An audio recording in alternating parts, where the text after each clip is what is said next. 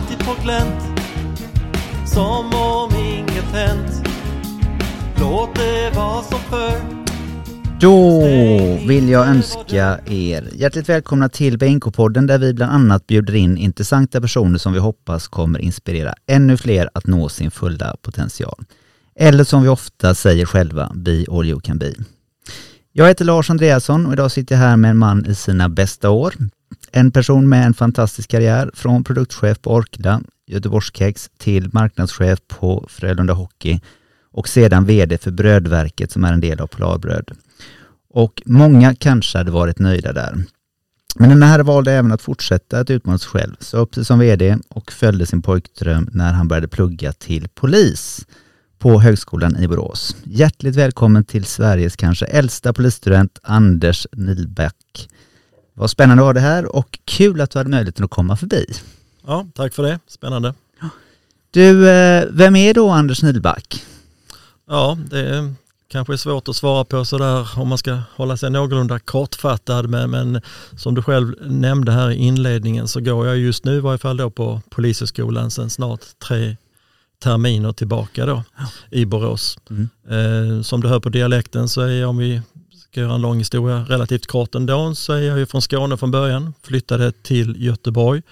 Eh, då brukar man alltid fråga, var det på grund av kärlek eller jobbet? Och i mitt fall så var det kärleken till jobbet och sen kom kärleken och, Ja. och sen försvann kärleken och så blev det ny kärlek och ja, sen har man blivit kvar genom, genom alla år så att säga då. Ja. Men dialekten är kvar. Dialekten är kvar. Ja, det är väl skönt, så man vet var rötterna kommer ifrån. Ja, men, Om du skulle beskriva dig själv med tre ord då, vad hade du använt för ord då? ja, jag brukar ofta säga att, att jag är kreativ då och det säger väl även omgivningen om mig så att säga. Så det stämmer rätt så väl överens från båda sidor då. Eh, sen anser jag väl själv också att jag är humoristisk då. Eh, någonting som vi kanske kommer tillbaka till lite senare i, i podden här som man har stor nytta av och märker redan nu eh, som blivande polis faktiskt då. Eh, så det är väl två saker då va? och, och ehm, se- sen är jag väl en annat karaktärsdrag är väl att jag, jag försöker vara så omtänksam som möjligt och altruistisk om man får kalla det så. Ja. Alltså motsatsordet till egoist. Ja. Det är väl tre saker som jag hoppas kännetecknar mig. Ja. Det är skönt att ha, ha någonting att, att mäta sig själv mot eh, på det sättet. Men vad gör du när du inte jobbar då? Ja nu så är det ju jobb och plugg faktiskt i kombination. Eh, Nu i sommar så hade jag gått så länge på eh, Polishögskolan att jag fick då eh, chans att söka jobb på eller inom Polismyndigheten och då jobbar jag nu i somras eh, nästan tre månader som utredare på brott i nära relation, eh, vilket är ett område som även innan jag började på Polishögskolan som faktiskt har intresserat mig och nu när jag har praktiserat och sommarjobbat där så kan jag väl säga att det intresserar mig ännu mer efter jag har varit där då. Eh, ytterligare en förmån har blivit då att jag vissa helger eh, är inne och jobbar på eh, brott i nära då för, för att ja, avhjälpa och, och, och hjälpa till helt enkelt då. Mm.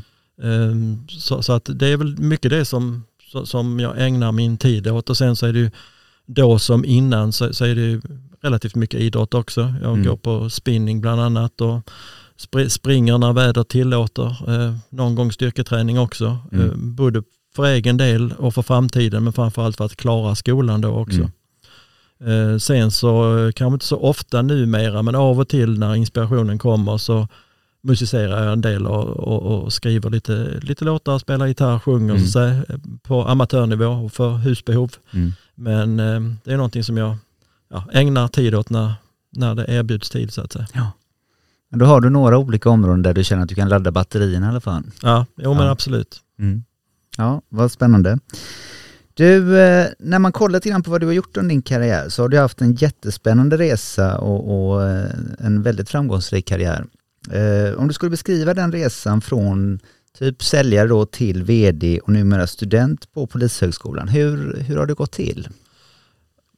Backar man klockan så, så när jag var cirka 22-23 år då, slutet på 80-talet, så kom jag in på Polishögskolan. Jag sökte in då, eh, för det var ju mitt mål och vad jag ville med livet.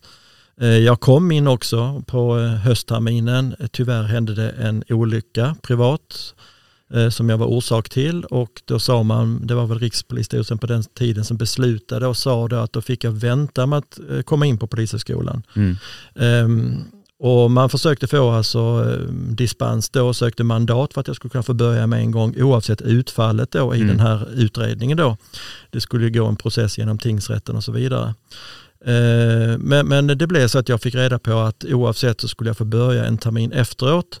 Eh, Och då blev jag ju hux flux eh, kan man säga arbetslös. Jag Mm. sökte då jobb och fick ett jobb som jag än idag kanske inte riktigt vet varför jag fick det. Men, men eh, jag fick ett jobb då på Göteborgskex Mm. eh, som då på den tiden tillhörde Marabou-koncernen. Sen blev det Orkla-koncernen Ja. och det är det fortfarande. Eh, Och jag kom in där och på den tiden när man är alltså i den åldern, 22-23 år som jag var, så var det en relativt hög lön eh, i förhållande till min ålder. På den tiden fick man, det får man säkert nu också, men jag fick en tjänstebil. Mm. Eh, man lockade med konferensresor utomlands och så vidare. Så summa summarum så gjorde det väl att jag trivdes för det första väldigt bra men allt runt omkring var väldigt attraktivt Mm. för mig också. Kanske inte på samma sätt som det hade varit idag men i den åldern, i den situationen Mm. så blev det det. Eh, och eh, jag åkte upp sen till Polishögskolan som då var belägen i Stockholm, fanns bara på ett läroställe på den, eller lärosäte på den tiden. Så jag åkte upp till Stockholm och jag var inte där många dagar innan jag ändå kände att nej, jag kommer nog inte så upp mig utan jag vänder tillbaks Mm. till det jobb jag redan hade fått. Och så tänkte jag att jag, har jag en gång kommit in på Polishögskolan så kanske jag gör det igen. Eh, det vet man aldrig men så tänkte jag. Eh, och sen för, så gick ju åren och åren har gått och ja, nu är jag ju där men långt, långt senare så att säga. Men dessemellan så har det hänt många saker och som svar på din fråga då så, så har du innefattat att jag har jobbat mestadels, eller i princip hela tiden inom marknadsföring då. Mm. Eh, Mycket inom mat på båda sidorna, både som, eh, som kund då, eh, men även på reklambyråsidan Mm. där jag då har jobbat som projektledare, vd på reklambyrå och där många av uppdragsgivarna, kunderna har, har varit då inom främst mat, även andra också men mestadels inom mat Mm. då. Eh, Jag startade även en period ett eget företag eh, och jobbade då ihop med Glenn Strömberg, före Mm. detta fotbollsspelaren. Vi startade ett italienskt varumärke, eh, han och jag och en kille till, eh, inom italiensk mat då. Mm. Eh, Det var en period som skulle vara kanske ett halvår, max ett år. Det var lite längre än vad det var tänkt. Och ja, det var också en erfarenhet att, att göra det. Eh, Fortfarande ändå inom mat, marknadsföring, försäljning, Mm. kommunikation. Så jag har ju landat i det segmentet hela tiden. Mm. Ja, eh, det låter som att du har haft ganska många olika typer av, av roller där. Eh, även om det är en röd tråd mycket med människor och med maten och sådär. Mm. Men om man tittar lite grann på de olika typerna av roller som du har varit anställd på eh, och vad har du tagit med dig från, från näringslivet som du tror att du kan ha, ha nytta av även nu när du går in på, på polisdelen? Bra fråga, för den, den har jag ofta tänkt liksom, vad har man nytta av? Ibland kan man spontant säga att nej, men jag har in, inte någonting nytta av det jag har gjort i huvudtaget, men absolut så har jag ju det. Dels då totalt sett, alltså både privat och arbetsrelaterat med åren så känner jag ju att, kanske inte fysiskt, men om man får kalla det för psykiskt då, Mm. eller mentalt, så känner jag att jag är mycket, mycket starkare och bättre idag än vad jag var till exempel om jag blev polis när jag var 25 kontra när jag är polis och då är cirka 60 år. Mm. Så jag känner ju det att jag har en livserfarenhet, jag kan ta folk, jag har haft under tiden nu här tre stycken barn som har växt upp med allt vad det innebär i olika stadier, högstadie, gymnasie, allt som händer i livet. Mm. Till att de då, två av dem i varje fall har flyttat hemifrån. Eh, och det har jag också med mig så att säga. Mm. Eh, så, så att ehm, sen, sen, inte, sen kan man ju säga också, det finns faktiskt, det, det låter lite konstigt men jag, jag har haft många anställningsintervjuer, anställt många människor, eh, tyvärr också sagt upp en del personer. Eh, och sen har jag suttit på andra sidan eh, där jag har sökt jobb på Mm. gott och ont. Eh, och lite grann, eller rätt mycket faktiskt, när man då ska höra personer, alltså man håller ett förhör med en person, även om det är en målsägare, ett vittne eller en misstänkt, så känner jag faktiskt att mycket av den typ av frågor, alltså, alltså närbesläktat i alla fall, som man ställer till till exempel en kandidat som söker ett Mm. jobb, det är rätt så många frågor som, som går lite hand i hand så att Mm. säga. Och, och sättet hur man, hur man eh, ja, analyserar frågorna och, och vilka följdfrågor man ställer. Så just den biten som jag märker att eh, generellt sett kanske många som är yngre eller rättare sagt som inte har jobbat så mycket, de kan tycka förhörsdelen är relativt svår. Mm. Eh, För de finner, kanske de kan gå utifrån ett manus med det där spontana eh, och komma på vilka frågor man ska ställa då för att ringa in människan och vad som har hänt och så vidare. Tycker en del är jobbigt, eh, men som man lär sig för varje gång man gör det. Mm. Men där känner jag med all ödmjukhet men att jag har nog lite till godo där för att jag tycker just att hålla förhör är nästan det roligaste jag vet faktiskt. Mm. Men det låter ju jättespännande. Eh, men när, när du då ställer frågorna, vad har du liksom ett mål med frågorna du ställer? För det, det har du ju säkert, men liksom, vad är det du söker efter för att få den här känslan där du känner att du har, du har nytta med det då från din tidigare... En, grej, en grej som är väldigt viktigt, eh, framförallt som polis, men jag tror även om, eh, om man sitter och ska anställa en person, vare sig man är en, är en arbetsgivare eller en rekryteringskonsulent, så tror jag att tystnaden är till exempel väldigt viktig. Mm. Eh, Det är någonting jag får jobba mycket med, för jag, jag, jag har lätt för att prata och, och, och, och eh, tycker det är kul liksom att när man snöar in på någonting att kunna kanske då berätta om sig själv och så Ja. vidare. Men någonting som är väldigt, väldigt viktigt och kanske bland det viktigaste när man håller ett förhör som polis då, eller utredare, det är ju just att i möjligaste mån låta den andra personen berätta så mycket som möjligt. Mm.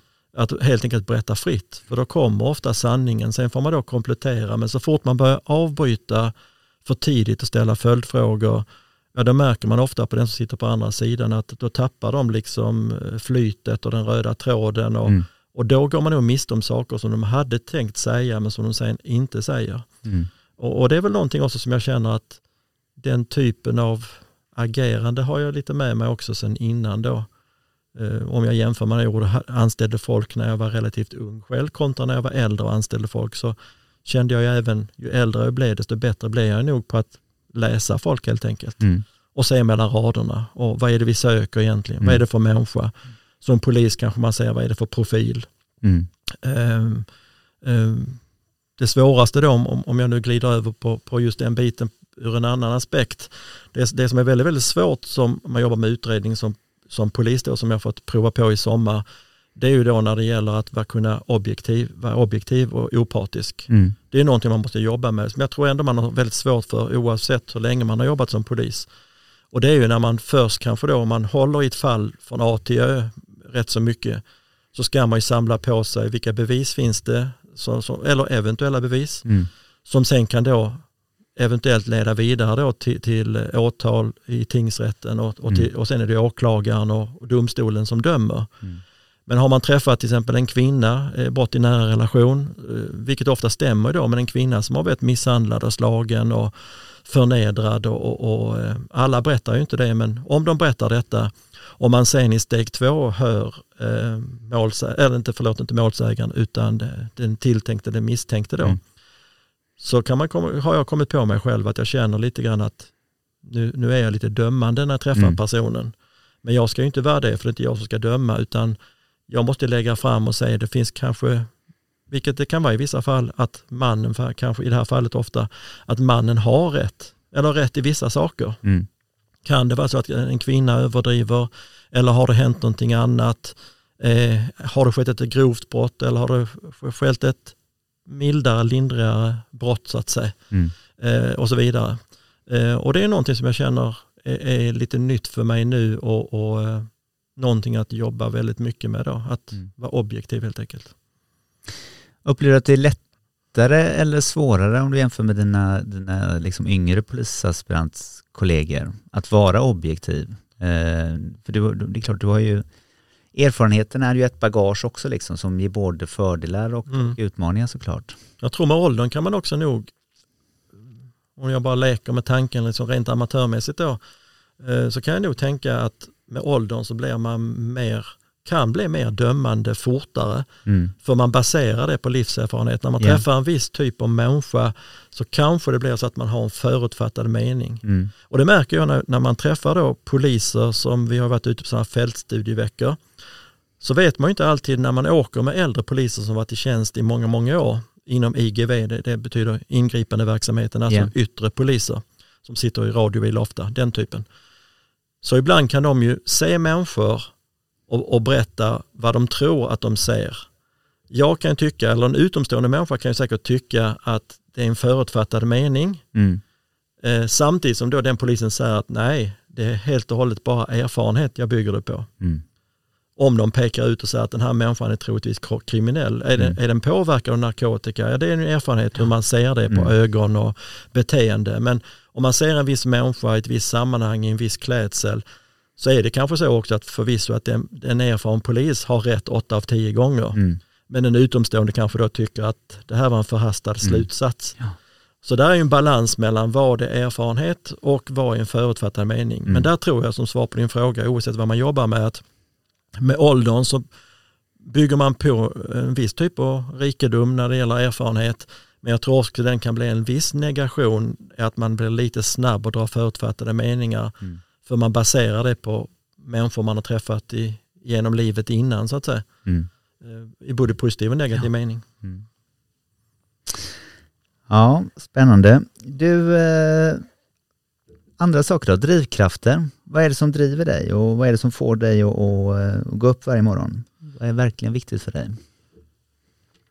Drivkraften, en, en, en drivkraft är ju naturligtvis då att via utmaningen att bli polis så att säga. Jag är väl, känner väl att jag är väldigt ödmjuk ändå och, och, och att jag tar på något sätt en termin i taget. Det låter kanske defensivt och kanske inte så hoppfullt låter det som när jag säger det då. Va? Men jag känner ändå att från början visste jag inte vad, vad jag gav mig in på, varken fysiskt eller, eller med, med studier, för jag har inte studerat på, på jättelänge då. Nej. Och jag hade problem i början med, med att hitta mitt sätt att studera på eftersom det är högskolebaserat då de första Mm. fyra terminerna. Ehm, jag ska inte säga att ämnena var svåra för de var ju väldigt intressanta men, jag, jag hade ju, kände att jag hade lite problem att hitta hur, hur, hur pluggar man på gamla dagar så att säga. Mm. Jag fick väl hitta mi- mitt format ändå. Va? Det, det, de skrattar åt mig i skolan alltså på ett gulligt sätt men jag är till exempel den enda i klassen utav, vi är en stor klass om man räknar in allihopa på mellan 90 och 100 stycken. Eh, Och jag är väl den enda som använder mus till min dator till exempel. Det använder inte mina, Nej. mina kurskamrater då. Va? Eh, Så det, så, och det är bara en rolig sak. Va? Men, men det, det ligger någonting i det att jag har fått anpassa mig. Jag skriver väldigt mycket för hand så att säga. Mm. Jag tycker inte om att skriva så mycket via telefonen. Eh, Jag gör det inte lika snabbt som de andra Nej. heller. Eh, och, och eh, jag printar ut många saker via en skrivare. Så min fru där hemma hon, hon, tycker att vi, hon skrattar hon tycker att vi köper sådana bläckpatron till skrivaren stup i ett. Mm. Eh, Och det är för att jag kanske printar ut många powerpoints där många tycker varför har du inte det i datorn? Det, det är väl jättesmidigt och Mm. det är det, det är det faktiskt det. Men, men jag, där märker jag att jag är en annan generation så att Mm. jag, jag har fått hitta fram på vad blir bäst för mig så att säga. Ja. Men det tog nog en termin innan jag riktigt landade i det. Mm. Och om man tar mer som, som liksom inre drivkrafter, sådär, vad, vad, vad är det som du känner, vad känner du är viktigt där för dig? Jag tänker ju, alltså, i, idag tänker jag liksom ändå eh, kortsiktigt i etapper så att säga. Mm. Eh, En del kan ju fråga mig, vilket man kanske gjorde även då när jag kom in på polishögskolan som 23-åring, att vad vill du i steg två som polis? Mm. Det finns det, till och med de som frågar mig idag, vad vill du sen? Så Mm. att säga. Men jag säger då att jag kan jobba allt mellan två till nio, tio år så att Mm. säga. Jag hoppas att jag hittar rätt så fort som möjligt så att jag gör det som jag kanske är bäst på. Eh, både som jag själv tycker och som förhoppningsvis eh, ja, myndigheten tycker jag är bäst Mm. på. Så jag hamnar eh, så rätt som möjligt, så snabbt som möjligt. Mm. Det innebär kanske då, även om, även om man, det finns kanske inga exakta regler, va? men många gånger så säger många att man kanske ska vara ute två, tre år som IGV då, p- polis då, eh, innan man kan eller ska gå vidare så att säga. Mm. Eh, Det finns väl inte, vad jag förstår, riktigt regler som är skrivna i sten där då så att säga, med, med den biten. Eh, Men jag tänker kanske då att även om det ska locka mig att vara IGV-polis så tänker jag samtidigt, är det verkligen det bästa sättet för mig? För jag kanske ändå inte är det i 8-10 år till. Nej. Är det så att jag kanske är, är mest lämpad, om vi nu leker med tanken att jag är det inom till exempel brott i nära relation, är det där jag ska hamna då så fort som möjligt? Jag hoppas Mm. att man har en dialog kring det. En annan grej som jag är intresserad av också, det är det som man eh, kallar för områdespolis. Eh, Det är lite likt IGV så tillvida att man, man är uniformerad, oftast i varje fall om man kör polisbil, men man jobbar ju då i ett dedikerat område. Förr hette det kanske en närpolis, kvarterspolis, har haft många olika namn genom åren. Eh, men områdespoliserna idag, de jobbar ju då till skillnad kanske från IGV så jobbar de ju väldigt långsiktigt och, Mm. och mycket med ungdomar. Och eh, det är väldigt aktuellt idag med den här gängkulturen och gängkriminaliteten som råder framförallt i utsatta områden. Mm. Eh, Det är någonting, det känner jag också att om jag nu skulle välja en så kallad uniformerad bana, så när folk frågar mig vad jag vill så är det nog områdespolis, vad jag hittills vet. Det Ja. finns ju 70-80 tjänster att välja på. Men områdespolis och brott i nära, det är, det, det är två saker som intresserar mig. Så jag, Mm. jag hoppas att jag hamnar på någon av dem eller, eller att, att jag hamnar så rätt som möjligt så fort som möjligt. Mm. Om man nu går, bara tänker lite grann så här, för du, du gör ju ditt karriärsval relativt sent Mm. eh, egentligen i, i karriären. Och om man funderar på, om man nu tar det steget eh, liksom så, så pass sent i karriären, vad var det som gjorde egentligen att det var just polisyrket som du fastnade för? För det är klart, det finns ju fler olika vägar som man skulle kunna gått. Mm. Den frågan har jag fått många gånger så, så att jag har, har väl lyckats kristalliserat fram ett svar på det som, som jag tror är väldigt sant. Och, och det är det ju de facto också att eh, jag jobbade, om vi backar klockan i, i, i relativt modern tid ett tag eh, tillbaka bara, så jobbar jag som vd på ett företag som heter Brödverket som Mm. jag tror du nämnde i början av programmet. Eh, som i sin tur på den tiden var en del utav Polarbrödskoncernen. Mm. För cirka tre år sedan eh, så brann ju då Polarbröd i Älvsbyn ner till grunden. Mm. Eh, jag kände på mig, vilket blev en sanning också, att i och med det då, eftersom jag jobbar på ett innovationsföretag, ett systerföretag, så kom jag till att bli uppsagd. Mm. Det finns olika anledningar och skäl, men det var väl en av de yttersta anledningarna till Mm. det så att säga. Eh, och det var väl ingenting som var- vare sig jag hade tänkt eller de hade tänkt, utan vi trivdes ömsesidigt med varandra jag tänkte att här är jag kvar till jag går i pension, det var ju min Mm. målsättning. Jag blev ju då hux flux arbetslös eh, och det har jag varit innan i livet också i, i, ja, i modern tid så att säga.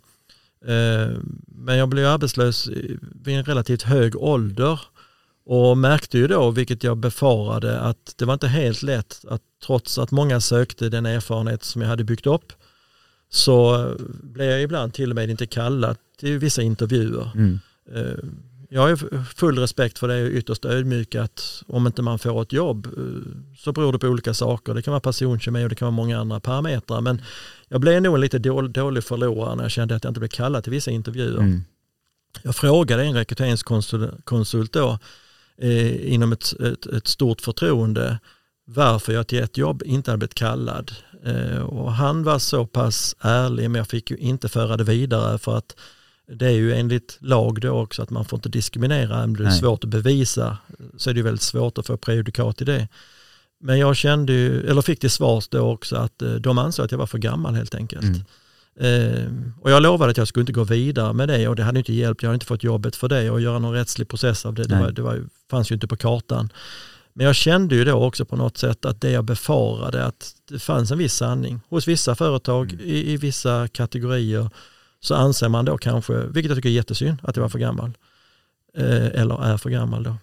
Ehm, jag har och hade en, en spinningledare, som jag sa så går jag mycket på spinning då. Mm. Eh, Och hade jag, eller har en spinningledare som sa då eh, ett tag innan jag kom in på polishögskolan att han hade sökt in. Han är tre år yngre än mig. Mm. Eh, Han sökte in, han kom dock inte in av olika skäl men hade sökt in och jag trodde att det fanns restriktioner, eh, vilket jag tror det har funnits historiskt, jag är inte säker, men på att man hade en viss åldersgräns så det hade jag bara som en förutfattad mening fått för mig.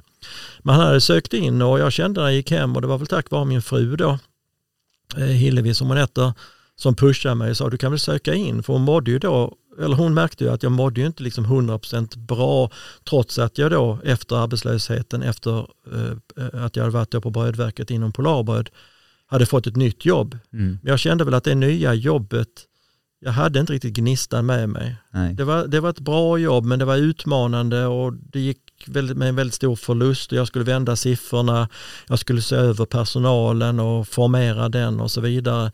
Jag hade en chef som satt i Stockholm, personalen satt i Skåne, jag satt i Göteborg och det tyckte Mm. man inte var något problem. Själv tyckte jag att det var ett problem eh, till viss del. Så det var många delar som gjorde att jag, hade nog, jag tog nog jobbet egentligen för att självklart att jag ville ha mat på bordet men det var inom dagligvaror och, och, och Mm. inom mat fortsatt så att säga och inom ett intressa- intressant område.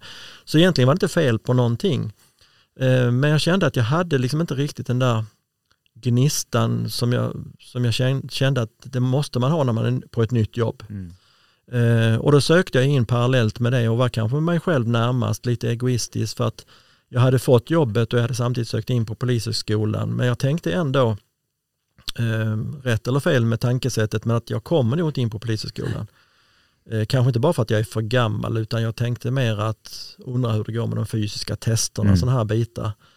Eh, och det var på Pliktverket i Malmö, de finns ju numera i Göteborg också vilket är positivt. Men det var i Malmö då för ja, snart två och ett halvt, tre år sedan. Mm. Eh, och, och eh, ska man göra en lång historia kort där så efter tre besök hos dem vid två tillfällen eller tre dagar då så gick jag igenom alla testerna och kände från gång till gång att när jag blev klar och, och eh, de sa att det var OK och att jag var välkommen till nästa test så kände jag att undrar vad som händer om, om det sista testet är avklarat och de säger att ja, nu har du kommit in. Så jag, jag fick ju träffa psykologen, det är ju där många fallerar faktiskt Mm. nästan alla tror jag, eh, eller en stor procent i varje fall, Mm. 60-70 tror jag säkert, så är det hos psykologen man, eh, man får reda på att man inte är lämplig, just då i varje fall, att komma in. Sen gör man en säkerhetsprövning också och där försvinner en del människor. Jag tyckte inte det var jobbigt att sitta med psykologen, det var, jag tyckte det var, det var bara jätteroligt att sitta Mm. ner och snacka. Ungefär som vi sitter och pratar, Ja. du och jag nu, inget konstigare. Men eh, sen kom ju dagen liksom, och det kom relativt snabbt när jag varit nere på Pliktverket i Malmö, så efter bara några veckor så kom det ju hem ett brev och ett mejl att nu var jag ju antagen. Mm.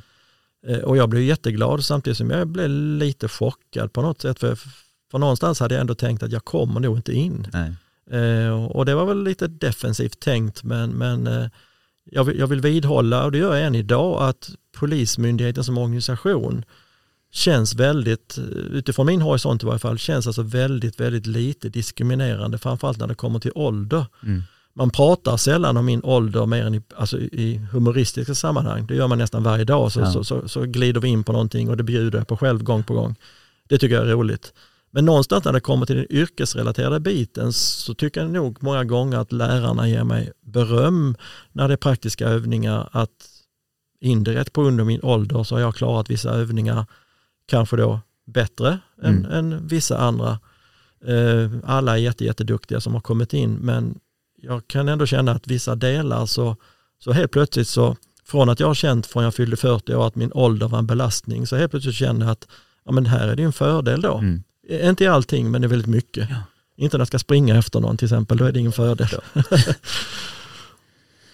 Ja, och när du ändå tar det med de, de fysiska bitarna, för det är klart, precis som du beskriver, det är ju en del som är teoretiska, Mm. både utbildningar och, och, och tester och sen så Mm. är det väl både liksom, fysisk eh, utbildning om man säger så och, och Mm. tester till det. Men hur klarar du de grejerna? För det är klart att det är, är skillnad på om man är, ja, som du sa, 23 eller 25 eller, Mm. eller om man är över 55 eller Ja. nästan 60. Ja, det var väl en utmaning det också och, och med facit i hand och, och det, det blir nästan till en efterkonstruktion men jag, jag gick väl inte i tankar eh, 2018 att jag skulle söka in och bli polis.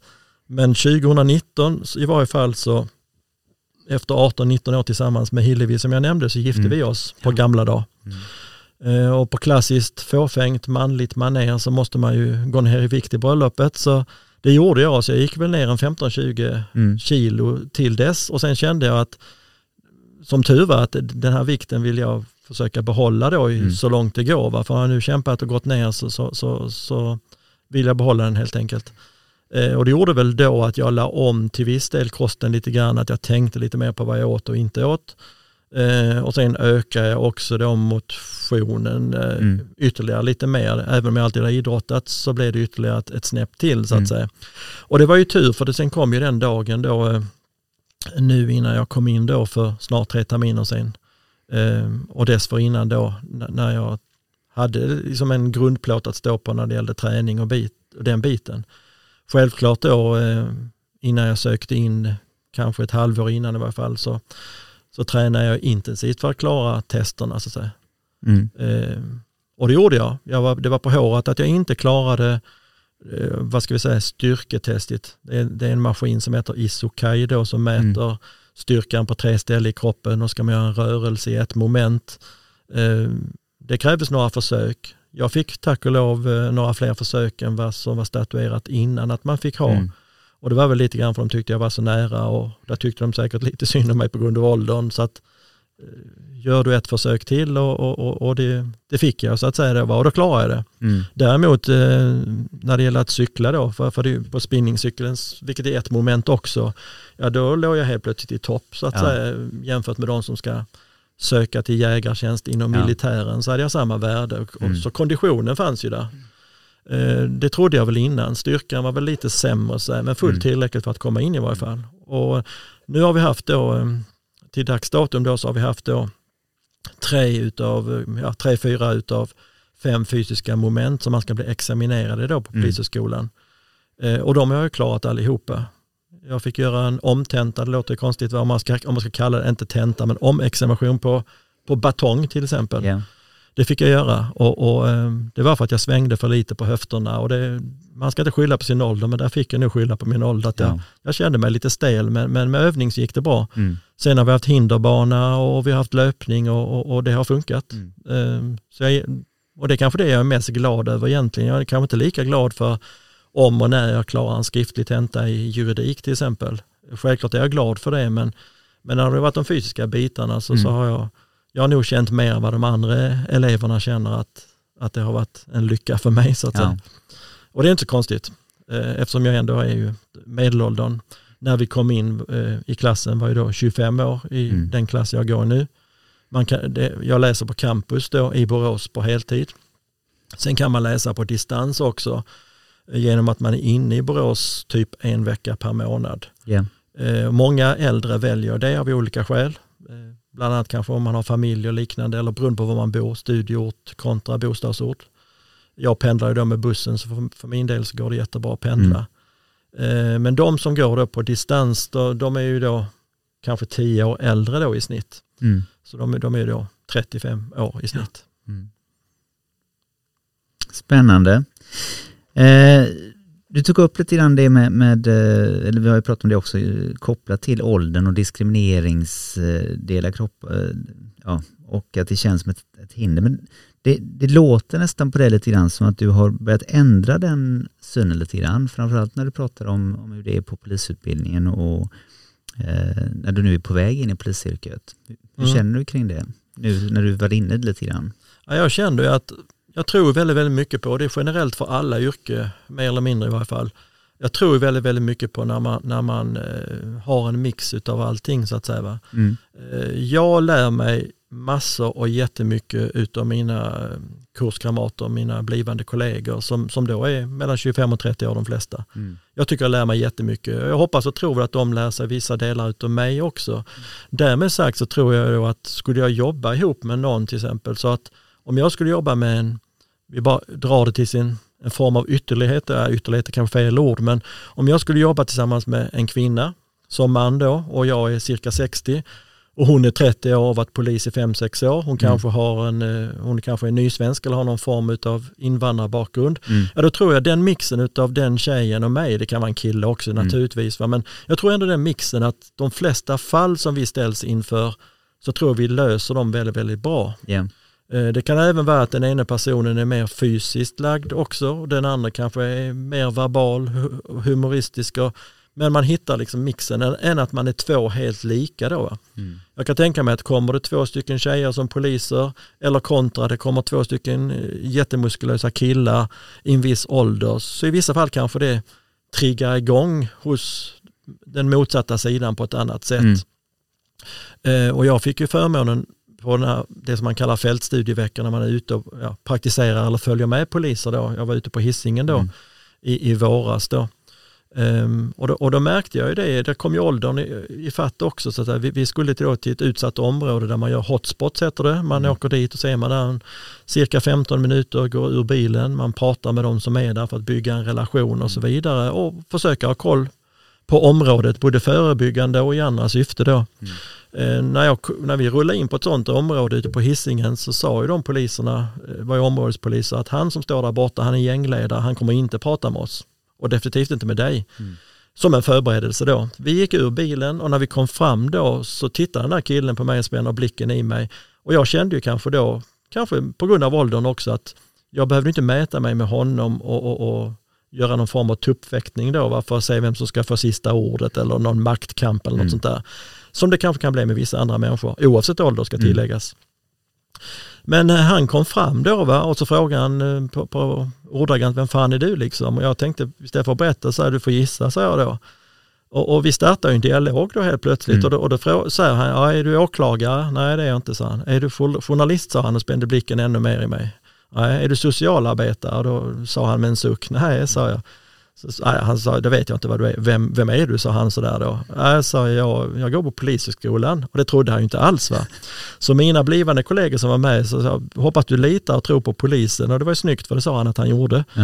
Så sa jag, då får du fråga dem då om, om det är sant att jag går på polishögskolan. Och det sa ju de och intygade, jo men det gör han, sa de då och skrattade då. Eh, och då kom han ju fram va? Och sen, sen så två dagar senare kom vi dit igen fast med en annan patrull, alltså en Ja. IGV-patrull. Som då inte kände till de här personerna på det här området lika väl som områdespoliserna gjorde. Mm. Och när vi då kom ut, ja då säger den här killen liksom två dagar senare, hallå Anders. Mm. Alltså han kom ihåg mig, även om det var en tungt belastad kriminell person Mm. så kände jag att ja, vi fick en dialog så att Ja. säga. Eh, och kanske då för att jag hade den attityd jag hade och när han kom fram så väldigt enkla saker tycker jag. Eh, I min värld så, även om man kanske inte alltid lär sig det, men jag tänkte man, har man solglasögon på sig så tar man av dem och har man handskar på sig, vilket många poliser har, så tar man av handsken om någon kommer och hälsar på en. Mm. Jag tror att sådana saker kan vara små, små saker som inte är obetydliga. Nej. Eh, kanske än en gång att man har med sig vissa saker, sådana saker lite mer om man är äldre kontra om man är yngre. Mm. Inte alltid, men ibland tror jag man har vissa sådana saker med sig. Den här killen då, han kom fram och hälsade och jag tyckte, oavsett hans bakgrund, så tyckte jag ändå det var trevligt. Mm. Det är klart att han vill ju testa mig och, och vinna poäng på att göra som han gjorde, men vi fick ju en dialog Mm. och, och den mynnade ut i att han frågade när jag skulle bli klar och jag sa när jag är klar och då, då säger han lite väldigt charmigt faktiskt att välkommen till Hisingen då om du Ja. får jobba här. Och, och så blir det kanske. Mm. Det är dit jag vill faktiskt och önskar och hoppas att jag får jobba. Sen får vi se om det blir så. Och, Mm. och om jag springer på den här killen igen och om han känner igen mig, det vet man inte. Men, men eh, det summerar rätt mycket tycker jag utav eh, hu- hur man tar med sig sin personlighet, sin livserfarenhet i ett väldigt litet ringa moment kan någon Mm. tycka. Men eh, där vi hoppade in i bilen igen och de här områdespoliserna sa, gud vad bra liksom att han brukar aldrig prata med någon men ni fick ju en dialog. Mm. Alltså det var, de, de, de, ja, de var väldigt positiva till det så att Ja. säga. Och det, och det var jag med, Mm. utan att förstå varför egentligen. Men i efterhand har jag tänkt att jag gjorde det nog på rätt sätt utan att veta om det. Nej. Jag tänkte på en sak om man går tillbaka lite grann till, till uh, lite vägvalet, med just den här, om man varit inom en viss sektor så länge ändå som du, som du har varit, eh, så klart man skapar någon form av trygghet, liksom både i den rollen som man har haft, att man har varit en viss typ av miljö och även ekonomisk trygghet och sånt där. Men hur, hur vågar man liksom hoppa eh, f- från den tryggheten då in i något annat? För det är klart att polisyrket måste ju vara en helt ny värld. Eh, för Ja. även om du har liksom en, en historik, du, det Mm. blir ju ändå ett, ett annat typ av sammanhang. Ja, man måste ju... Jag tror en sak som är väldigt viktig och det hade jag och det har jag, det är ju en stöttning från familjen. Mm. Eh, och inte bara liksom en emotionell stöttning om man får kalla det så, utan även kanske en ekonomisk stöttning. Ja. Eh, det är väl utan att överdriva så, så nästintill kan man väl säga att jag nästan halverar min lön. Mm. Eh, Därmed inte sagt att polislönen är så dålig som många tror, va? för att den har höjts avsevärt Mm. de sista fem åren på, på grund av ett, ett starkt förbund så att säga då, Mm. eh, som polisen har, eh, fackförening, eh, Polisförbundet. Eh, dels på grund av det så att säga och sen för att samhället nog önskar och kräver det så att säga för Mm. att, att polisen ska få det bättre ekonomiskt. Mm. Sen jobbar man ju, beroende på vilken tjänst man har, men man jobbar ju också obligatoriskt väldigt mycket övertid och då får man ju ett OB-tillägg Ja. som inte räknas in i grundlönen men som ändå blir en, en lön. Ja, net, net, nettoersättningen blir ändå... ja, det blir ju det som man lever Ja. efter. Därmed så är inte lönen så dålig som jag tror många tror. Så när jag berättar vad en polis ändå kan komma upp i och, och vilken lön den kan få så att säga, Mm. eh, så är det många som ändå säger oj, de tror att det är sämre. Ja.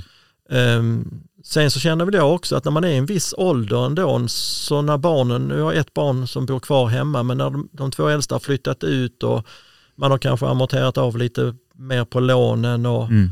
man, man, man har inom situationstecken allt det man vill ha. Mycket av det man lägger pengar på, det är ju kanske då, alltså egentligen lyxkonsumtion, saker Mm. som inte man har ett behov av, eh, men som man har lärt sig att kunna köpa och, och göra. Men då tänker jag att då får man väl ta ett break kanske i två, tre år innan Mm. man kanske kan resa igen. Och nu har det ändå varit covid och sådana här Mm. saker ju som dessförinnan eh, som gör då att det är inte så många uppoffringar som man behöver göra.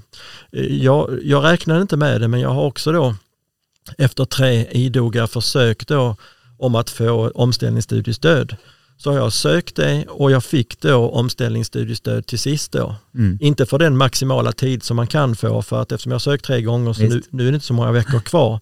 Men jag fick ändå det f- den, nu den här sista tiden så att säga. Va? Mm. Eh, och, och när jag frågade då var kontakt med de som, som administrerar detta, eh, vilket är en process i sig, det kan man ha en podd om i en timme hur det fungerar. Mm. Men eh, när jag frågade dem då så sa de också att alla som var under 40 år generellt sett fick inte omställningsstudiestöd för de fick dra gränsen någonstans. Mm.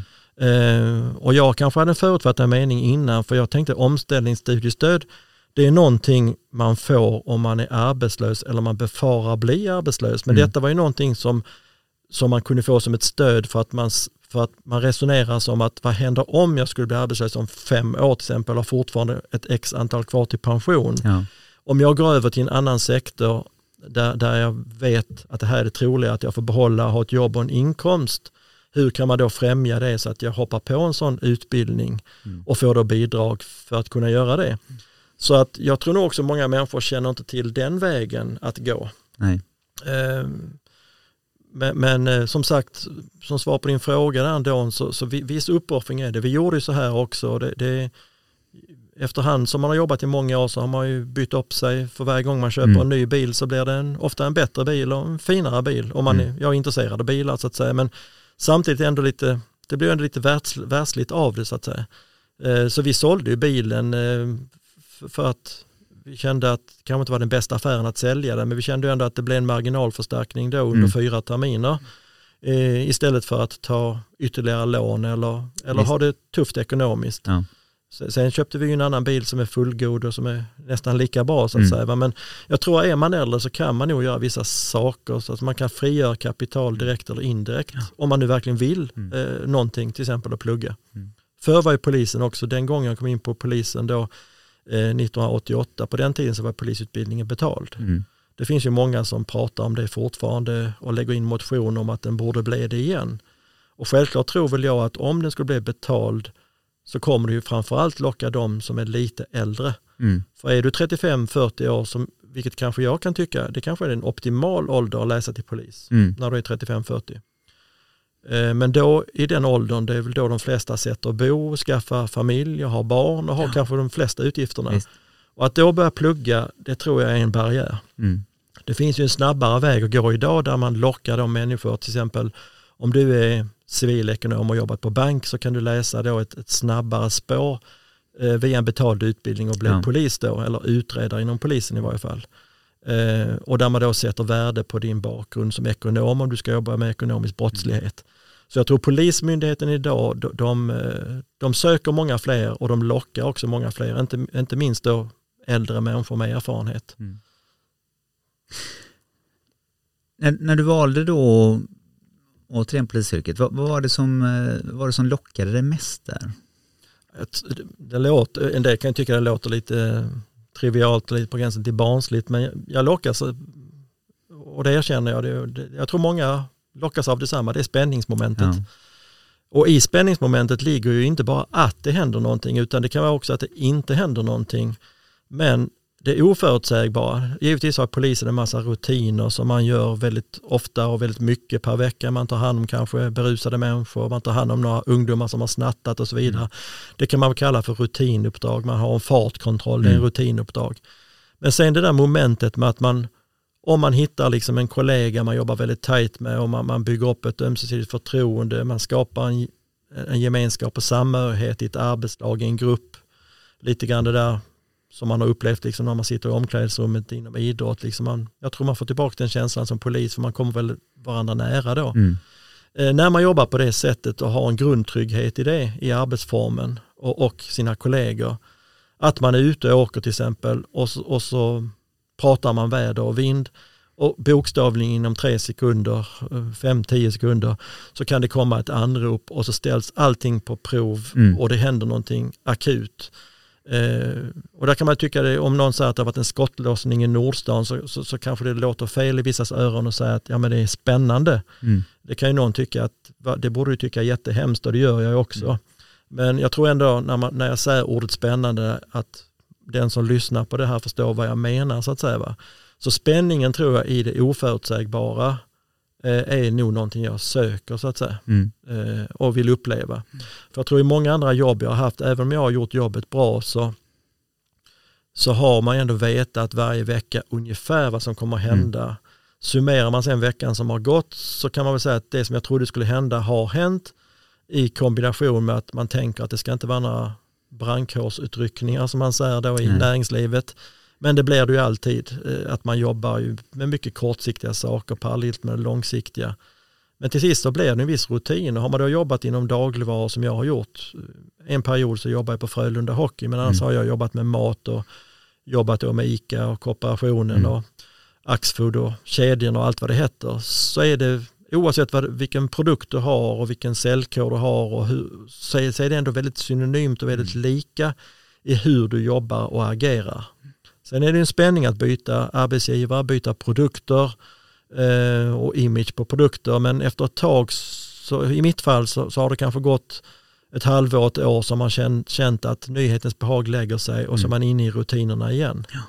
Eh, För mig kan, och då kan jag känna, vilket jag säger till många människor, eh, det är därför det är roligt att vara här idag, för jag tycker om att det här med att kan man inspirera folk till att göra någonting annat eller radikalt annorlunda så tycker jag det är väldigt positivt. Mm. Jag fick ju då en fråga innan från, jag var väl lite tveksam först för det fanns väl inget narcissistiskt självändamål att ställa upp.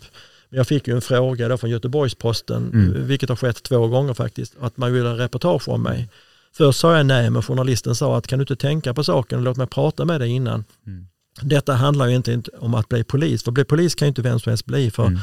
eh, har du inte fysiken så kan du inte bli det. Men, men det var inte det man var ute efter, utan de menade på att vid din ålder och, och däromkring, när det ändå kanske är 10-20 år kvar i arbetslivet, så kan man ju liksom göra någonting nytt av det än att, Mm. än att istället bli kanske bitter eller negativ och gå kvar i vissa hjulspår. Så man ville lägga det här helt och hållet på Göteborgs-Posten på att det skulle handla om att inspiration och det är inte Mm. för sent så att säga.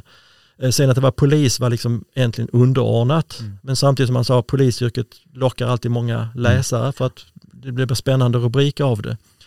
Och sen så hakar jag då eh, P4 på och TV4 och, och, och så vidare och Mm. nu sitter jag här då. Och, och, men varje gång jag har ställt upp på någonting så är det inom ramen för att kan jag inspirera andra då. Mm. Eh, och det har jag märkt för att jag har folk som hört av sig till mig, faktiskt en fem, sex personer som jag inte kände eller känner som hörde av sig, som hade läst och hört om mig. Mm. Eh, Två av dem skulle efter de var 45 år söka in på polishögskolan och jag sa till dem att kommer ni in så får ni höra av er och det gjorde de båda två. De andra fyra som bara hörde av sig till mig, eh, både via telefon och mail, eh, de ville ju då bara byta bana, inte till polis men ändå byta Mm. bana tvärtom och, och, och följa liksom en gammal dröm och, och göra någonting annat. Och, och hade då, vilket jag tyckte var väldigt imponerande, blivit då inspirerad av en artikel eller, eh, eller ett radioinslag eller vad det nu de hade, de hade lyssnat på. Och, eh, och då känner jag att, därför känner jag idag, så att säga, och när du ringde mig eh, och din kollega, att jag tycker det är svårt, jag tycker att man ska inte tacka nej. Sen kan folk tycka vad de vill, för det gör Mm. folk. Det är må- eh, inte många, men det kan ju tycka då att varför ska samhället lägga ut, om det nu kostar en miljon att utbilda en polis, det gör det säkert, eller mer därtill. Varför ska samhället lägga de pengarna på dig och när det finns yngre människor och yngre förmågor? Och jag respekterar frågeställningen och jag kan förstå att de frågar också. Men däremot så tycker jag ändå en majoritet av människor som, som pratar om detta, för det, det har ju blivit ett samtalsämne. Min Mm. fru är ganska trött på det, för alla ska ju prata polis med mig nu. Eh, och det har blivit ett samtalsämne, men, men många, många är ju då alltså positiva och, och imponerade, kanske fel ord, men på något sätt så tycker man ändå att det det är häftigt att jag har gjort det jag har gjort och det jag håller på med. Eh, och det tycker jag är jättekul, så att, säga. att, att man kan få bidra med, med, med den biten. Mm. Jag tänker, om man nu tar den miljön som du har hamnat i, du måste ju ha hamnat i situationer som, som kanske inte var jätteroliga just då, men som blivit lite roliga sådär i efterhand. Är det någon sån anekdot som du vill dela med dig av? Jag, nog, jag tänkte på det innan, alltså det, det finns säkert massor av anekdoter, men samtidigt lite svårt att plocka ut dem i och för sig. Eh, däremot så generellt kan jag säga att åldern är, är ju, det blir ju en rolig grej ja. av det. Det blir det ju ofta. Eh, allt från att eh, föreläsare kommer dit och, och, och, externa föreläsare och så ser de mig då i folkvimlet och undrar kanske vem jag är eller att någon som är 45 år säger liksom att jag skulle jättegärna vilja bli polis men det är alldeles för sent. Mm. Ja, då är det alltid någon lärare eller någon annan som kommenterar så nej det är inte alls för sent, titta på han som sitter där då. Ja. Jag kommer ihåg också första, en av de första dagarna jag var på skolan och var lite vilse på att hitta rätt. Då, då um, kom det fram en lärare till mig så tänkte jag det här var väldigt artigt och trevligt för jag frågade efter vägen till en viss kurslokal då. Uh, och den läraren i fråga, han, han, tog mig väldigt artigt i hand och det, det, var ju trevligt. Men sen följde han mig hela vägen och sa du kan peka vart vi ska. Och nej, sa han, jag följer dig dit och så han pratade och var jättetrevlig. Det, det var han även efteråt mot ja. allt och alla. Men eh, när vi kom fram sen så sa han då, ja, det, det, vad ska du undervisa i, sa han då. Och jag bara, undervisa i? Nej, sa jag, jag ska plugga. Och det hade han väl hört talas om mig innan, så han sa, aha, är det du, sa han. Han trodde jag var ny lärare. Ja. Sen kan jag väl tillägga det också, efter, när man börjar termin två eh, och sen termin tre och fyra givetvis, så får man ju ut då uniform som man har på sig då mer eller mindre varje dag i skolan. Mm.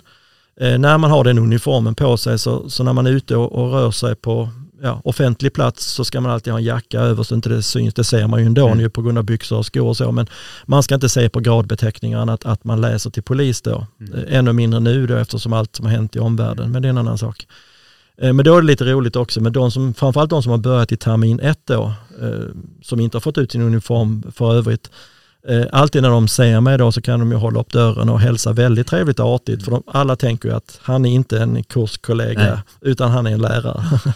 och, ehm, så det brukar vi skratta åt faktiskt, att för det händer hela tiden att de misstar då för vem jag är. Vem Eller de tror att jag är någonting som jag inte är. Ja. Om, man nu, om du tittar tillbaka lite grann på, på eh, liksom hela din karriär, vad, vad känner du att du gör och vad har du gjort eller vad, vad gör du för att nå din fulla potential? Oj, ja. Du menar nu vad jag gör nu, alltså i skola och sådär, eller, eller hur tänker du? Ja, men jag tänker mer, jag eh, brukar alltid ställa den frågan, för att jag tror att varje människa har någonting som, som man reflekterat över. Som man känner att det här vill jag göra eller gör jag för att jag ska liksom kunna leverera på den nivån som jag själv vill. Mm. Där sätter man ju själv någon form av gränsvärde, liksom, för det här är, är rätt eller bra vet inte om det är svar på frågan direkt, men jag, jag är ju väldigt intresserad av människor så att säga, va? och det, det har jag alltid varit. Och även om jag har, det finns väl folk som kan tycka både det ena och det andra, men jag har väl ändå gjort en hyfsad karriär inom dagligvaror, marknadsföring, mm. försäljning och så vidare. Och det ena har, har gett, lett till det andra och man har varit på olika arbeten med olika framgångar och så vidare. Um, jag känner ju utifrån det då att även om jag har jobbat mycket med människor så har jag ändå inte jobbat med människor på det sättet utan det har varit en viss kategori utav människor generellt mm. sett. Så att säga. Och jag har väl alltid känt att är det verkligen det som jag ramlar in på som jag kanske är innerst inne är allra bäst på? Mm. Även om jag har varit duktig på marknadsföring och, och, och, och, och gått igenom olika kurser och, och fått liksom olika priser för det till och med, mm. så har jag nog ändå känt att jag skulle jobba lite mer, alltså om du tänker dig en psykolog eller en präst eller en polis, en socialarbetare. Alltså den biten har jag saknat. Eh, givetvis när man har anställd personal, när man har utvecklingssamtal mm. och det händer saker och ting på en arbetsplats. Så visst jobbar man nära människor. Men jag har väl alltid känt att jag skulle vilja jobba liksom mer med det humanitära så att mm. säga. Och inte bara liksom där det är katastrof och tragik utan även där det mynnar ut i någon form av lycka så att säga, mm. på, på, grund av sin insats där man kanske är del i en, i en samverkanskedja och kring en, till exempel en ungdom som far illa och mm. förhoppningsvis om man kan få den ungdomen till att må bättre eller mm. bli sedd eller känna sig eh, ja, på, på ett annat bättre sätt. Kan man vara del i det så skulle det ge mycket tillbaka då. Mm. Det, det är någonting som jag känner att även om det, och då, tänk, då vänder jag på det att visst, då kan jag ju tycka att hade jag blivit polis för tio år sedan så kanske det varit med facit i hand ännu bättre. Men Mm. självklart kan man ju inte backa klockan och då, då får jag ju tänka som jag hade en eh, klubbdirektör på, på som min närmsta chef på Frölunda Hockey som, Mm. som, som sa alltid begreppet, det var inte han som hade uppfunnit det men han sa ofta att det var en icke-fråga så att säga. Va? Mm. Och det har väl jag tagit med mig också som ett litet mantra i livet ibland. Jag tänker ibland att men det, är- det är en icke-fråga. Mm. Eh, Det är ett sätt, liksom på, på, inte att nonchalera någonting utan att mer konstatera. För, för jag tänkte ett tag att varför blev jag inte polis för tio år sedan så jag kunde jobba i 20 år med detta så här vi då. Men samtidigt känner jag att det hjälper inte jag tänker så utan jag, istället för att tänka vänder jag till någonting positivt. Att Mm. hade jag varit kvar i, vilket jag kanske inte ens hade varit, i tio år till inom det jag höll på med innan jag började på polishögskolan så tror jag nog livet hade blivit tråkigare faktiskt. Eh, Mer rutinmässigt, mer slentrianmässigt. Eh, och vad hade hänt att säga om inte man hade lyckats med de kraven som ställdes, om man hade blivit arbetslös när man var Mm. 55 år eller 60 år Mm. närmare. Då hade jag nog känt att då är det nog väldigt, väldigt tufft att söka jobb när man är 60 år Mm. faktiskt. Om du skulle ge dig själv ett tips utifrån den erfarenhet som du har idag och så har du fått träffa dig själv när du var på väg in i din, din karriär. Vad hade du gett dig själv för tips då? Jag tror nog att, att, att man ska våga och, och tro mer om sig själv. Jag kan väl känna att jag utåt sett i varje fall har väl en, eh, en relativt bra, bra självförtroende. Mm. Men samtidigt har jag väl känt också med åren att min självkänsla inte är lika hög så att säga. Det är någonting som jag alltid har brottats med och Mm. brottas fortfarande med. Ehm, och det är inte alla som tror och vet och känner det när de möter mig. Men samtidigt så, så tror jag det bidrar till någonting positivt också. Att Mm. man inte får för stort och för högt självförtroende. Utan man hittar en balans i det så att säga. Och i den balansen tror jag man får omedvetet och indirekt en form av ödmjukhet så att säga. Mm. Så, så därför tror jag liksom att är man yngre så, så, så, så ska man ju bygga ett självförtroende men jag tror man ska ta i beaktning alltså självkänslan parallellt också Mm. och, och, och, givetvis är den för låg så får man jobba på att den ska höjas men, Mm. men det finns kanske någonting gott i att den är låg också. Mm. Eh, Och, och, och, så kan väl jag tänka och sen får man väl alltid vara ödmjuk på för att se liksom vilka begränsningar har man, vad är realistiskt och så vidare. Men jag tror många gånger på att de flesta saker som du vill i livet, det, det, det, jag tror mycket, mycket kan du åstadkomma faktiskt, om det är realistiskt. Mm. Eh, sen gäller det att finna ut om det är realistiskt eller inte. Det var ju någon som sa så här också att eh, eh, när man dör så ska, ska man dö med minnen och inte med drömmar. Och det är någonting som jag tycker är väldigt viktigt. För jag tror många människor har drömmar. Någon, kan ju, någon kanske har de ekonomiska förutsättningarna men de drömmer om en större båt eller en lägenhet i Spanien eller det kan vara vilket som helst. Va? Men, eller en husbil. Mm. Det finns de som, som, som inte har förutsättningarna och, och då är det ju jobbigt att drömma om någonting som inte kan bli en realitet. Mm. Men så finns det ju de som säger någonting hela tiden där jag kan tänka, men gör det då. Nu har vi hört det här i alla år, men Mm. bara gör det nu. Det kan vara små eller stora drömmar, det är inte så jag menar. Men, men där tror jag också är viktigt att känner man någonting så ska man våga liksom kasta sig ut. Va? För det vägen tillbaka, den är inte så farlig om inte man lyckas heller. Så att. Det, det, du landar alltid, det låter som en klyscha, men du landar ju alltid förr eller senare ändå. Men många gånger när människor, det har jag sagt också, när man ibland har eh, permitterat folk eller sagt upp folk på arbete, vilket jag tycker är väldigt, väldigt tråkigt att ha gjort. eh, Inget som är roligt att ha på meritlistan. Men då har man ändå sagt till många den här klyschan att du, du kommer landa och det kommer kanske till och med bli bättre. Mm. Sen när man har träffat många människor något år senare då, va, även om de har gått igenom en tuff period och varit väldigt ledsna och besvikna, så är det ju många faktiskt som säger att fan, det blev bättre faktiskt. Jag hade aldrig hoppat av, men när jag hoppade av så fick jag verkligen tänka, vad vill jag? Och det är det människor som har sadlat om och gjort något helt annat som sen inte tackat en, för det har de inte gjort, men de har sagt att det som hände gjorde att livet blev bättre. Mm. Och det tror jag brukar säga även till unga människor att livet rasar inte när man är 25-30 år om det inte blir som man hade trott. Va? För det, du har, det är så många år framåt Mm. så att säga. Va?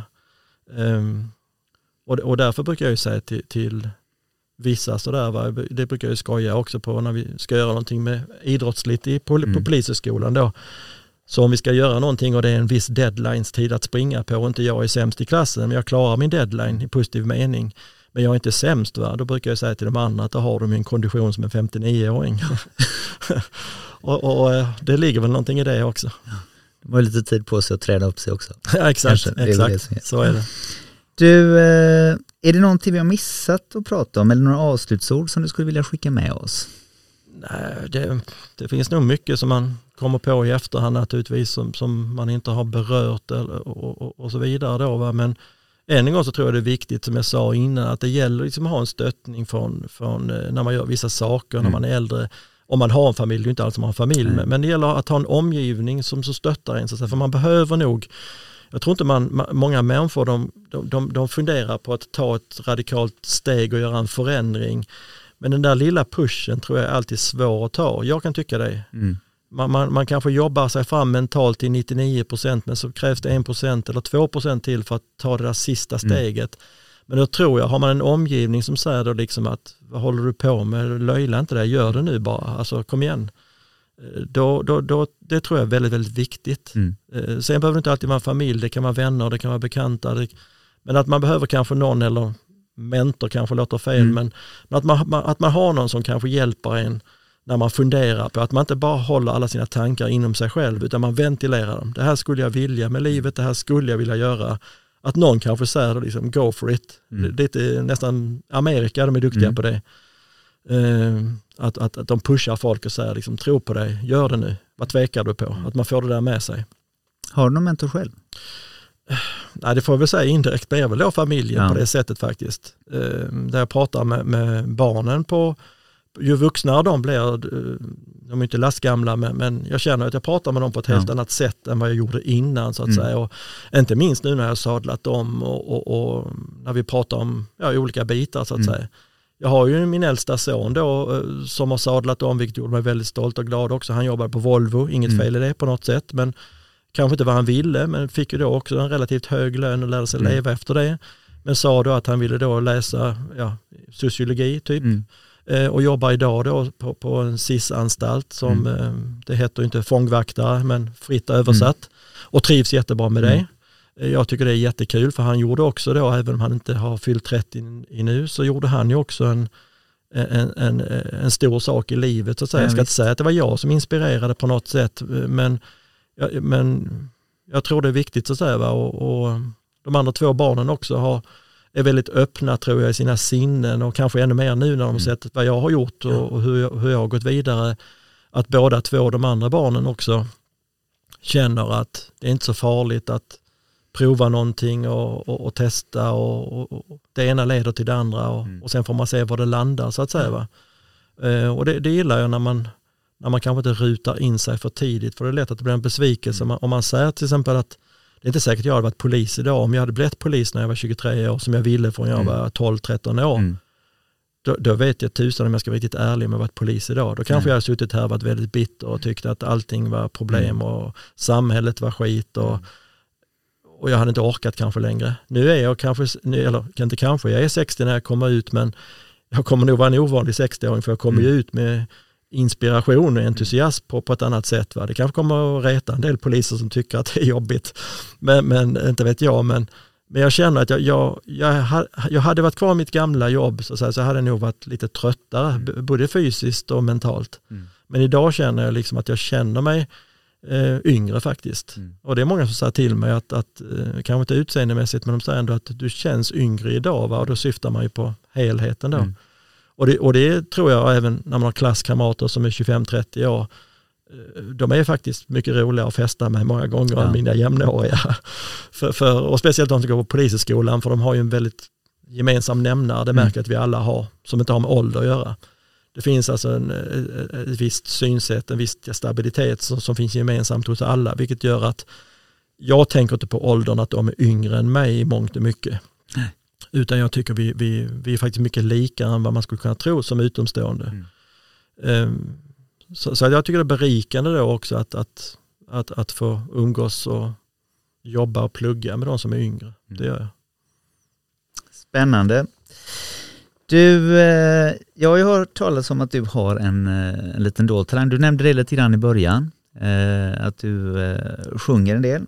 Jag tänker med tanke på att det är Lucia imorgon så tänkte jag bara eh, kolla med dig om du kanske är sugen på att sjunga Staffan var en stalledräng.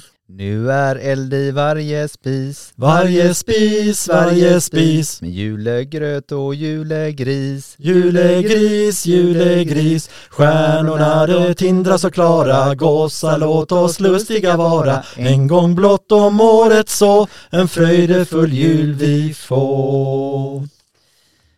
Bra. Sen måste man ju säga till de som lyssnar nu här att det här var faktiskt inte förberett. Det finns ingenting som är förberett, men det, det här var roligt tycker jag. Ja, Stort tack för att du valt att dela med dig och inspirera både mig och alla andra som lyssnar. Och till alla er som lyssnar, det är du själv som ger dig möjligheten att nå din fulla potential. Ibland finns drivkraften i resan, ibland resultatet och ibland är någonting helt annat. Men ge aldrig upp, för du kan mer än du tror och vi finns alltid här för att inspirera dig och stötta dig på vägen. Skapa din framtid och nå din fulla potential. Be all you can be.